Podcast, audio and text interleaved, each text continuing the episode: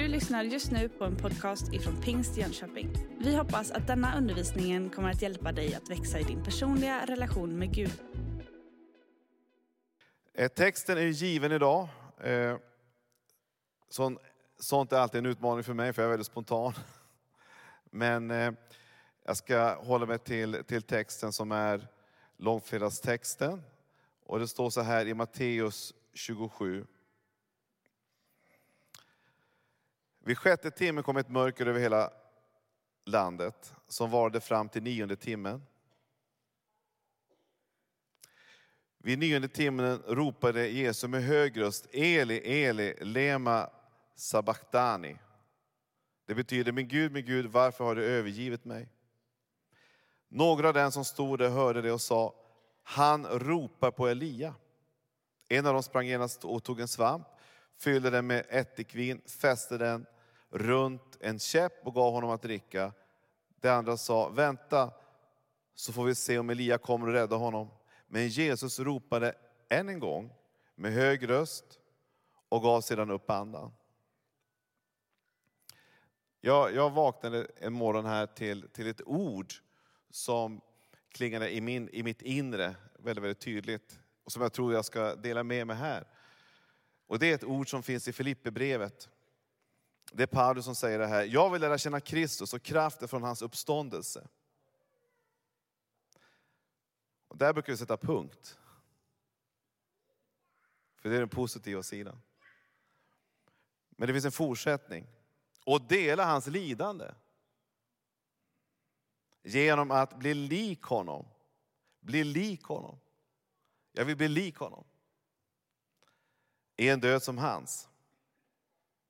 Kanske jag då kan nå fram till, det, fram till uppståndelse från de döda. Det fanns, det fanns någonting hos Paulus som, som han strävade efter och som, mer än någonting annat. Det finns mycket vi kan drömma om, det finns mycket vi kan längta efter. Det är mycket vi, vi, vi, vi liksom går emot. Nu går vi mot en sommar, jag längtar att få i båten, jag kan inte vänta. Eh, vi längtar efter saker och ting. Men det fanns en sak som Paulus längtade mer än någonting annat efter. Det var att bli lik honom. Att bli lik Jesus. Att eh, reflektera den han är. Rakt igenom. Och det var en längtan som fanns i honom. Och han, han visade att vägen dit, det, det gick genom självklart kraften. Vi, på, på söndag så talar vi mycket om kraften. Men, men Paulus visste också att det fanns en annan sida. Det var att, att gå igenom de prövningar och de lidanden som, som vi alla får gå igenom på olika sätt. Men göra det i, i, i en Kristuslikhet. Det jag skulle vilja uppmuntra dig idag det är att vi går alla igenom lidanden. En del självvalda, en del saker som vi eh, själv har sett till att de har blivit. En del lidanden sker oförtjänt. Vi, vi har saker vi går igenom i livet. Men Kristus vill hjälpa oss att bli lik honom. Och kunna hantera utmaningarna på ett sätt som, på, som hjälper oss att ta oss igenom lidandet så att vi växer. Min predikan heter Kristus, Kristus likhet i skuggan av hans kors. Egentligen kan man översätta det på ren svenska, bli inte bitter, bli bättre. Gud vill utveckla oss. När vi möter saker och ting så har vi olika val. Vi kan luta åt olika håll. Men det, det Jesus gjorde när han gick igenom sitt lidande, det var att han i sin fullhet visade vad som Gud vill ta fram i oss. Och som kan hjälpa oss i de olika utmaningarna vi har i livet att eh, faktiskt ta oss igenom för att bli bättre. Lidandet, utmaningarna, smärtan kan faktiskt vara en, en motor, en hjälp, någonting som Mejsla fram det bästa ur oss. Det är ingenting vi längtar efter, det är ingenting vi strävar efter. Och det, det är svårt att veta varför saker och ting händer. Men, och vi säger inte att, att välsignelsen sitter i själva lidandet, men mitt i lidandet så finns det välsignelse. Och Gud vill att du ska upptäcka de delarna. När det gäller, när det gäller Jesus och hur han hanterade lidandet, det är väl intressant att se den här texten. Det var att han, han kopplade med ordet gång på gång. Han citerar psalm 22 i det här läget. Och en av de största möjligheterna och hjälpmedlen vi har i livet när vi går igenom utmaningar, det är att vi har ett ord. Som kan vara ett stöd, en hjälp och faktiskt lindra smärtan. Det kan vara en painkiller. Som Koppla bort smärtan ur våra liv så att vi får en paus. Och ett hopp och ett ljus rakt in i det vi står i. Och Jesus, jag tror inte han tänkte i första hand att eh, nu har jag kommit fram till situationen här nu, att jag hänger på ett kors. Nu är det lämpligt att jag säger Eli, Eli, lema sabachthani, för det förväntas av mig. Jag tror inte Jesus tänkte så.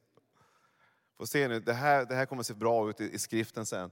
Eli, Eli, lema sabachthani. Jag tror faktiskt att Jesus, han var så ett med ordet att det kom spontant ur honom. Han var så uppfylld av ordet. Och du vet när prästen kommer så kommer det fram vad som finns på insidan.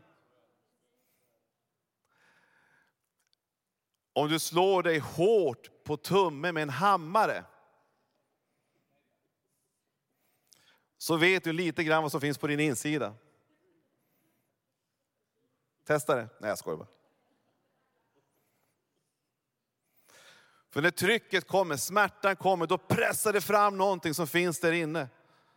Det förlöser någonting på insidan. Och det kommer ut någonting, det som finns djupast, djupast nere i vårt hjärta dyker upp. Och jag önskar att det är ett tack Jesus, gode Gud. Hjälp mig. Och inte att det kommer upp andra saker. Jag har tänkt andra saker.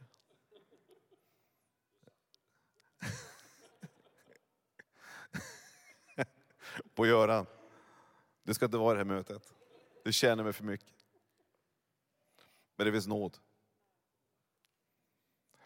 Men när man går igenom en smärtsam period så är det så viktigt att vi hittar stödpunkter. Att vi hittar något stabilt. För det, det, som gör att vi tappar humöret, det som gör att vi tappar hoppet, det som gör att vi tappar kontrollen över oss själva, det är för att vi blir helt ostabila. Vi har ingenting som håller fast oss. Men du vet, Gud har gett oss löften. Gud har gett oss planer. Gud har gett oss drömmar. Gud har gett oss ett ord som vi kan stå på och faktiskt känna att det leder oss igenom de svåra och tuffa stunderna. Någonting som vi upptäckte, jag och Camilla, när vi gifte oss, det var att hon blev deprimerad. Jag hoppas inte att det var för att hon gifte sig med mig. Men hon gick igenom en lång, lång depression, en ångestperiod. Som eh, har att göra med kanske sin bakgrund, jag vet inte. Men det varade i över två år. Med panikångest. Jag fick navigera i det. Eh, och, men mitt stöd i det, det var Guds ord. Det var att vi, vi gick gång på gång på gång till Guds ord och läste. Eh, vi var tvingade för att vi, behövde, vi, vi ville överleva. Det var en överlevnadsfråga. Det fanns en massa olika typer av valmöjligheter man kunde ha gjort, men det vi gjorde det var att vi, vi vill gå till ordet. Och se hur det kan förändra tanken, förändra på sikt känslan och förändra vårt destiny. Och det vi läste gång på gång, det var det som står i Ordspråksboken 4.20. Min son, ta vara på vad jag säger. Vänd ditt öra till mina ord. Låt dem inte vika från din blick. Bevara dem i ditt hjärtas djup. För det är liv för, för dem som finner dem och en läkedom för hela hans kropp. Halleluja! Det finns ett ord till dig idag. Det finns, finns ett ord till din situation. Det finns ett ord till din hopplöshet. Det finns ett ord in i ditt mörker. Det finns ett ord in i din sjukdom. Det finns ett ord för dig. Och Gud vill att du ska få tag på det ordet. Känslan är bra, uppmuntran är bra, en klapp på axeln är bra, men det finns något som är starkare. Och det är Guds löften in i vår tid. Det är Guds löften in i din situation. Det är Guds löften in i ditt äktenskap. Det är Guds löften in i din upp, upplevelse som kan ha varit traumatisk. Gud vill ge dig ett ord. Och Gud gav ett ord till Jesus. Han, hade, han var ju ordet själv. Han behövde inte låtsas, han behövde inte spela teater. Det bara kom upp ur honom. Och jag är helt övertygad om att när han sa det ordet, han var ett med ordet, så, så hela det, det, det, det gav någonting in i Jesus själv. Av en paus i smärtan. Så Gud vill att du ska upptäcka kraften i din situation, var den befinner dig i. Så det klokaste du kan göra är att hålla dig till Bibeln. Håll dig till ordet, läs din Bibel. Ta tid för det. Dra dig undan för det, för det är en lindring. Det ger dig en helt ny världsperspektiv. Det ger dig nya vingar, det ger dig nya områden. Gud ger dig någonting enastående i hans ord. Förr i tiden som att man var läsare. Och idag läser vi verkligen Facebook utan och innan. Men det finns något som är bättre än sociala medier, det är Guds ord. Vi kan hålla koll på hela världen via sociala medier. Men faktum är att Gud vill att du ska ha koll på vad som sker i den andliga världen också. Gud har ett ord till dig. Och Gud har ett ord som vill förlösa liv in i din situation. Jag söker alltid ett ord när jag ska in i nästa steg, när jag ska in i nästa område. Därför att jag vet att känslorna går fram och tillbaka, men Guds ord består. Om en himmel och jord brinner upp så kommer Guds ord att stå fast. Och det Jesus gjorde, han var så präglad av Guds ord, för han var ordet själv som blev förkroppsligat. Så när han mötte omständigheter, när han mötte utmaningar, så kom det fram någonting från insidan som gick ut. Vad hjärtat är fullt av talar munnen. Gud vill att du ska ta fram ur ditt förrådshus någonting gott. Så Bibeln är en sak som bygger upp någonting. Det bygger upp som ett lager. Som du kan ta fram gång på gång på gång på gång på gång. Därför är det så bra att läsa sin bibel dagligen. Gärna, gärna dagligen. Få tag i Guds ord dagligen. Någonting som kan byggas in i ditt lager, för du kommer att behöva det en vacker dag. Det är en resa att bygga upp ett lager. Det är inte alltid så enkelt, det är inte alltid så trevligt. Jag lyckades få min son att jobba i ett lager för ett tag sedan. Det var en mardröm tyckte han. För det var tungt, det var jobbigt, han fick slita, han fick ont i ryggen. Bra, sa jag, nu, nu börjar det bli en kar av dig. Det var en resa. Men ett lager är ett lager där man kan ta fram saker och ting som finns där för olika händelser. Alla har fått en skrift hem i hela Sverige om att vi bör ha personligen ett lager om krisen kommer. Staten har till och med förstått att vi behöver ett lager. Gud har också förstått att du behöver ett lager sedan länge sedan. Ett lager på insidan, ett lager av hans löften. Ett lager av att du, Gud har välsignat dig med all den andliga välsignelse. Gud kommer att ta hand om det här. Gud är för dig, Gud är med dig. När vi ber så får vi, när vi söker så finner vi, när vi bultar så öppnas ett perspektiv. Det är Guds ord till dig.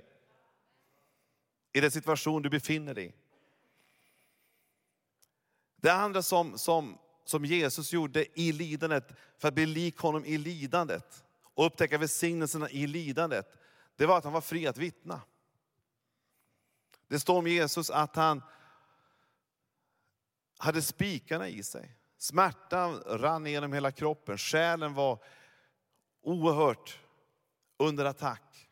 Men mitt i detta så kunde han vända sig om till rövaren på korset och så säger han, jag säger det sanningen, idag ska du vara med mig i paradiset. Hon som förde mig till tro på Jesus Kristus, hon heter Nanny Lundström. Hon var 86 år gammal när jag, när jag blev frälst. Hon bad igenom mig. Jag kom inte från någon kristen bakgrund. Men jag hade en, en farmor som hade en syster som var pingstvän. Det var lite speciellt i släkten. Eh, jag dök upp hos henne för att hon kunde aldrig gå ut. Hon, hon kunde inte ta sig ut för hon var så fylld av smärta. Hon var reumatisk. Äldre. Och hon eh, hade också hudcancer. Så hon hade olika typer av utmaningar i livet. Mycket smärta, väldigt mycket smärta. Jag besökte henne några gånger eh, med min farmor och jag blev fascinerad. För hon var så passionerad i Jesus. Så att varenda gång när jag var där och hälsade på henne så ville hon alltid prata om Jesus. Hon ville höra var jag kom ifrån, vad jag gjorde för någonting. Men hon ville alltid få in det här med Jesus. Det gjorde att en del av släkten tyckte att hon var för radikal. Men jag blev fascinerad. Jag är alltid fascinerad av passion. Det spelar ingen roll vad det är för något, jag tycker det är spännande. Och jag drogs till henne och sökte upp henne några gånger och hon, hon hade alltid en förmåga att berätta levande om vem Gud var. Berätta varför han dog på korset. Hon gick igenom Jesus genom hela Bibeln. Och till slut så förde hon mig till en situation där jag själv fick uppleva honom. Men hon hade ju, när jag studerade hennes liv så var det en person som hade väldigt mycket smärta. Men hon var alltid beredd att vittna. Så hon ursäktade sig inte att omständigheterna var utmanande, utan hon tog tillfället i akt. Och upptäckte välsignelserna mitt i lidandet, så såg hon att saker och ting kunde börja blomstra. Och när hon var 86 år gammal och jag kom in i rummet, och jag berättade, nu har jag blivit pingstvän jag också. nu är jag frälst, nu är jag riktigt frälst. Döpt. Det var som hela himlen landade över henne. Och hon såg mitt i lidandet så såg hon välsignelse. Jag vet inte vad du är mitt uppe i just nu och vi kan tycka ibland att det här med att dela med sig av vittnesbördet, dela med sig av Jesus, ta med någon till kyrkan, att det ligger långt borta. Men Gud har ett syfte i allt. Och i allt kan du hitta ett syfte.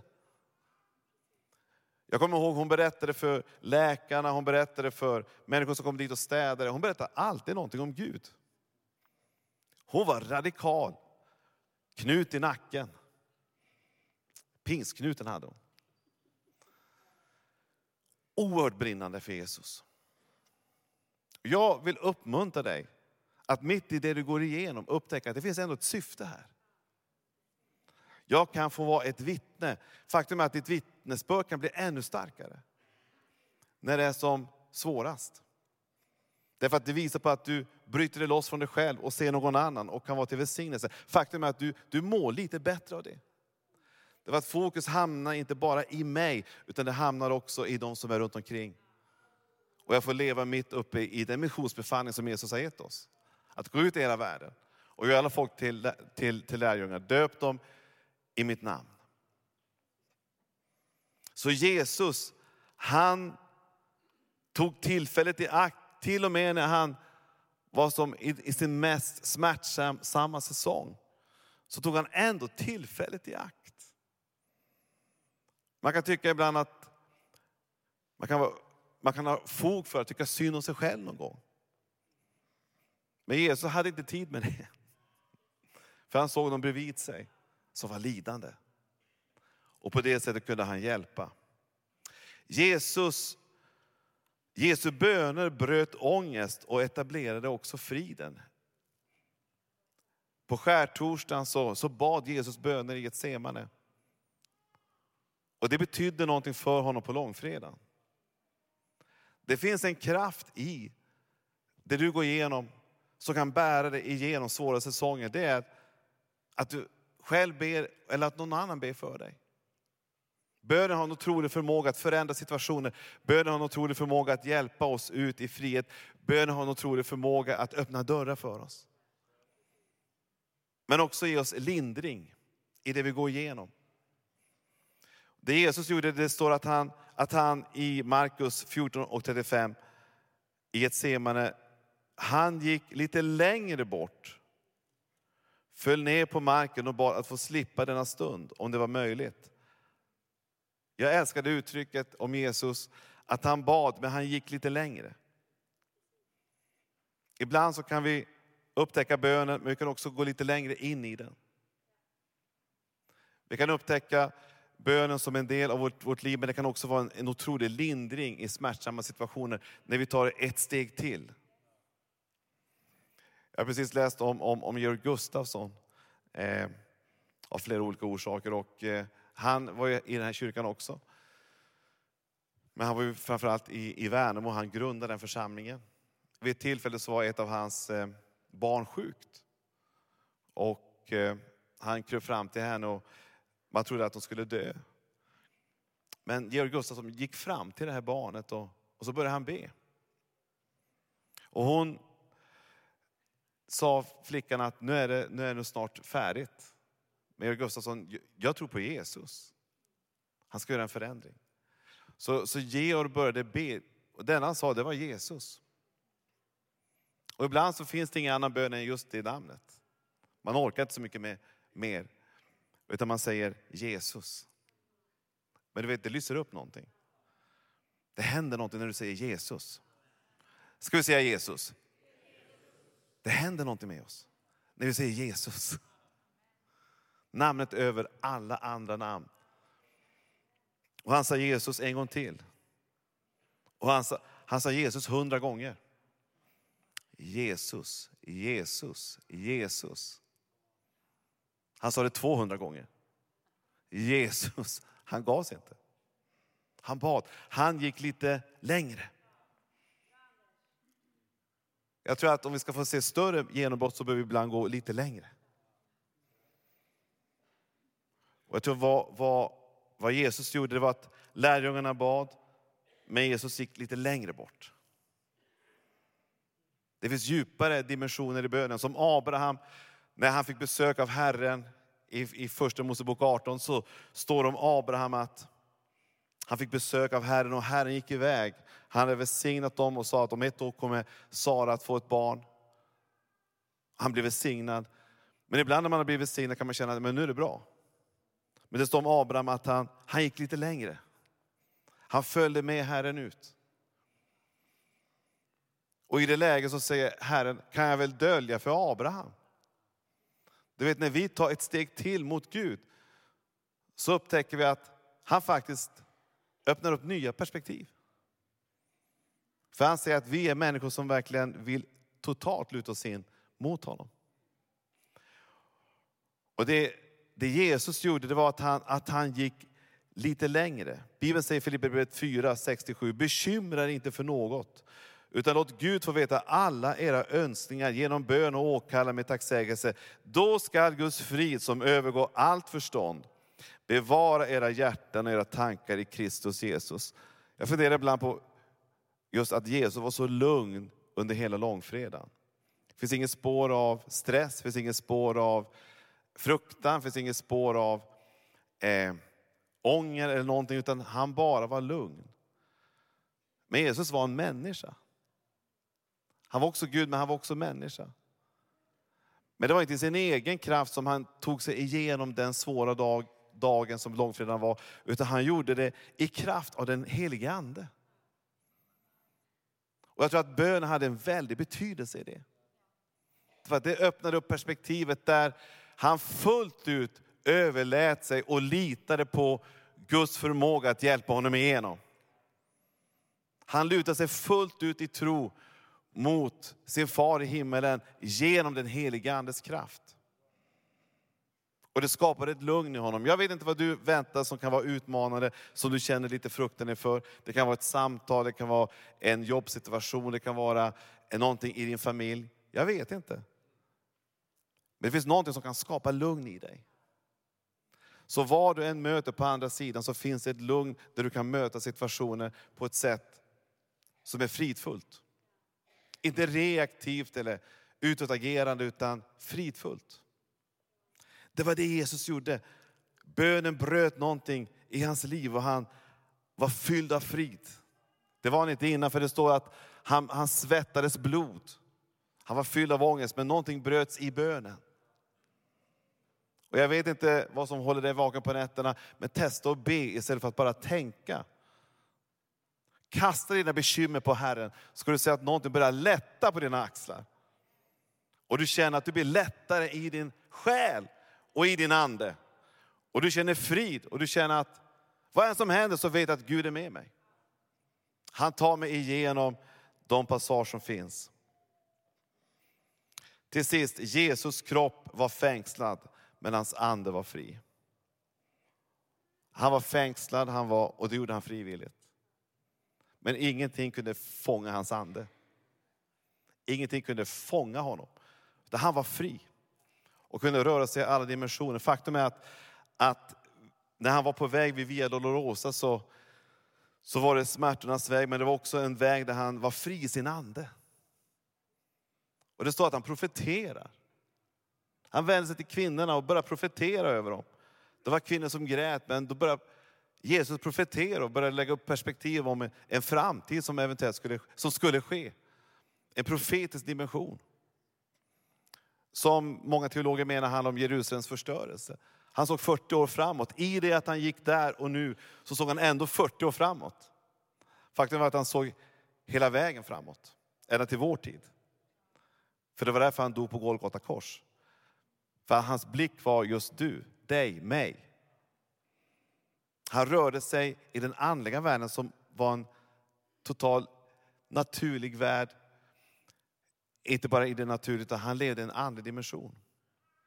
Och jag tror att Gud vill att du ska upptäcka att det finns kraft i din ande. Även om kroppen kan vara i utmaning. Bibeln säger så här, därför ger vi inte upp. Även om vår yttre människa bryts ner förnyas vår inre människa dag för dag. Nanny Lundström, hon, hon ville alltid be med mig. Hon var 86 år gammal. Och hon satt där med massa filtar över sig för hon var ju reumatisk och ville få lite värme. Hon var ju en perfektionist, småskollärarinna, hade alltid levt ensam. Alla böckerna var i ordning, det fanns inget ett dammkorn i hela lägenheten. Hon var perfektionist. Tog, tog, väldigt, väldigt återhållsam, disciplinerad, eh, gav sitt tionde. Hon var väldigt ordningsam. Men någonting hände när vi bad. Hon blev en annan människa. Hon blev så oerhört uppfylld av tro, av liv. Så hon glömde bort sin perfektionism, hon glömde bort allting runt omkring. Hon glömde bort grannarna till och med. Och jag tänkte, kan du inte dämpa det lite? Hur kan det komma så mycket ljud ur den här lilla kroppen? Hon var ju så liten, som en liten sparv. Men det var som ett lejon kom fram ur henne. Och hon prisade Gud och hon bad om väckelse, hon bad om genombrott, hon bad för mitt liv, hon bad om framtid, hon bad om hopp. Och hon bröt mörker runt omkring sig. Hon var som ett lejon som gick fram i den lilla lägenheten uppe i Luleå. Hon var fri i sin ande, fångade din kropp, men fri i sin ande. Det som sonen är fri, han blir verkligen fri. Bibeln säger att, att det Herrens ande är, där är det frihet. Frihet att kunna röra sig i nya dimensioner, frihet att börja kunna koppla med tro, frihet att börja koppla med nya drömmar, frihet att kunna koppla med nya dimensioner med Jesus. Därför att han vill föra oss ut i en frihet, därför att han är fri. Han var tillfälligt fångad i sin kropp. Men han var fri i sin ande. Och den friheten kom sen tillbaka in i hans kropp. På tredje dagen. Men faktum är att när jag börjar känna mig fri i min ande, då börjar min själ faktiskt bli friare. Och till slut blir hela min kropp fri. Jag kan inte hålla igen. Alltså. Jag är ju norrlänning egentligen ska vara lugn och väldigt beskedlig. Men jag är mer afrikan, jag vet inte. Därför att det finns en passion på insidan.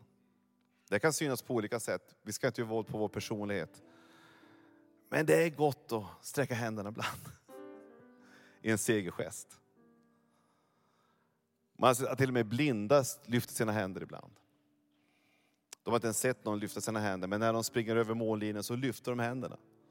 Därför att det ligger liksom inbyggt i oss. Att vi är på segersidan. Så när jag lyfter mina händer så är det för att jag, jag känner att jag är en segrare i Kristus. Jag är fri i honom. Och jag vet inte om du går igenom en svår situation just nu i ditt liv. Du går igenom ett mörker. Men det finns frihet för dig. Det finns en frihet som börjar på insidan men som kommer att manifestera sig i din själ och in i din utsida. Du kanske känner dig bunden när det gäller i relationer med andra människor. Du kanske känner dig bunden i, i andra olika situationer. Du känner dig bunden i tankar som trycker ner dig. Du känner dig bunden i att du inte ser någonting framåt. Men du vet, när anden kommer över dig. När anden kommer över dig. Det är nästan som att det är pingst nu just nu känner jag. Det finns en ande. Och Gud vill att du ska känna att även om ditt yttre människa har olika typer av utmaningar, så finns det någonting på insidan som vill komma fram. Som vill ta plats, som vill ta yta, som vill visa nya färger, nya områden, nya dimensioner. Därför att det finns någonting som vi, som vi alla kan fullt ut utforska, och det är anden i oss som vet precis vilka gåvor vi har på insidan, som kan lyfta fram allting där och börja få det att börja springa och landa i backen och börja välsigna människor runt omkring oss. Gud vill få tag i anden. Gud vill att du ska få tag i anden på ett djupare plan. Jesus ande får ner i dödsriket. Ingen kunde fånga honom. Han satte oss fria. Han tog nycklarna till döden och dödsriket.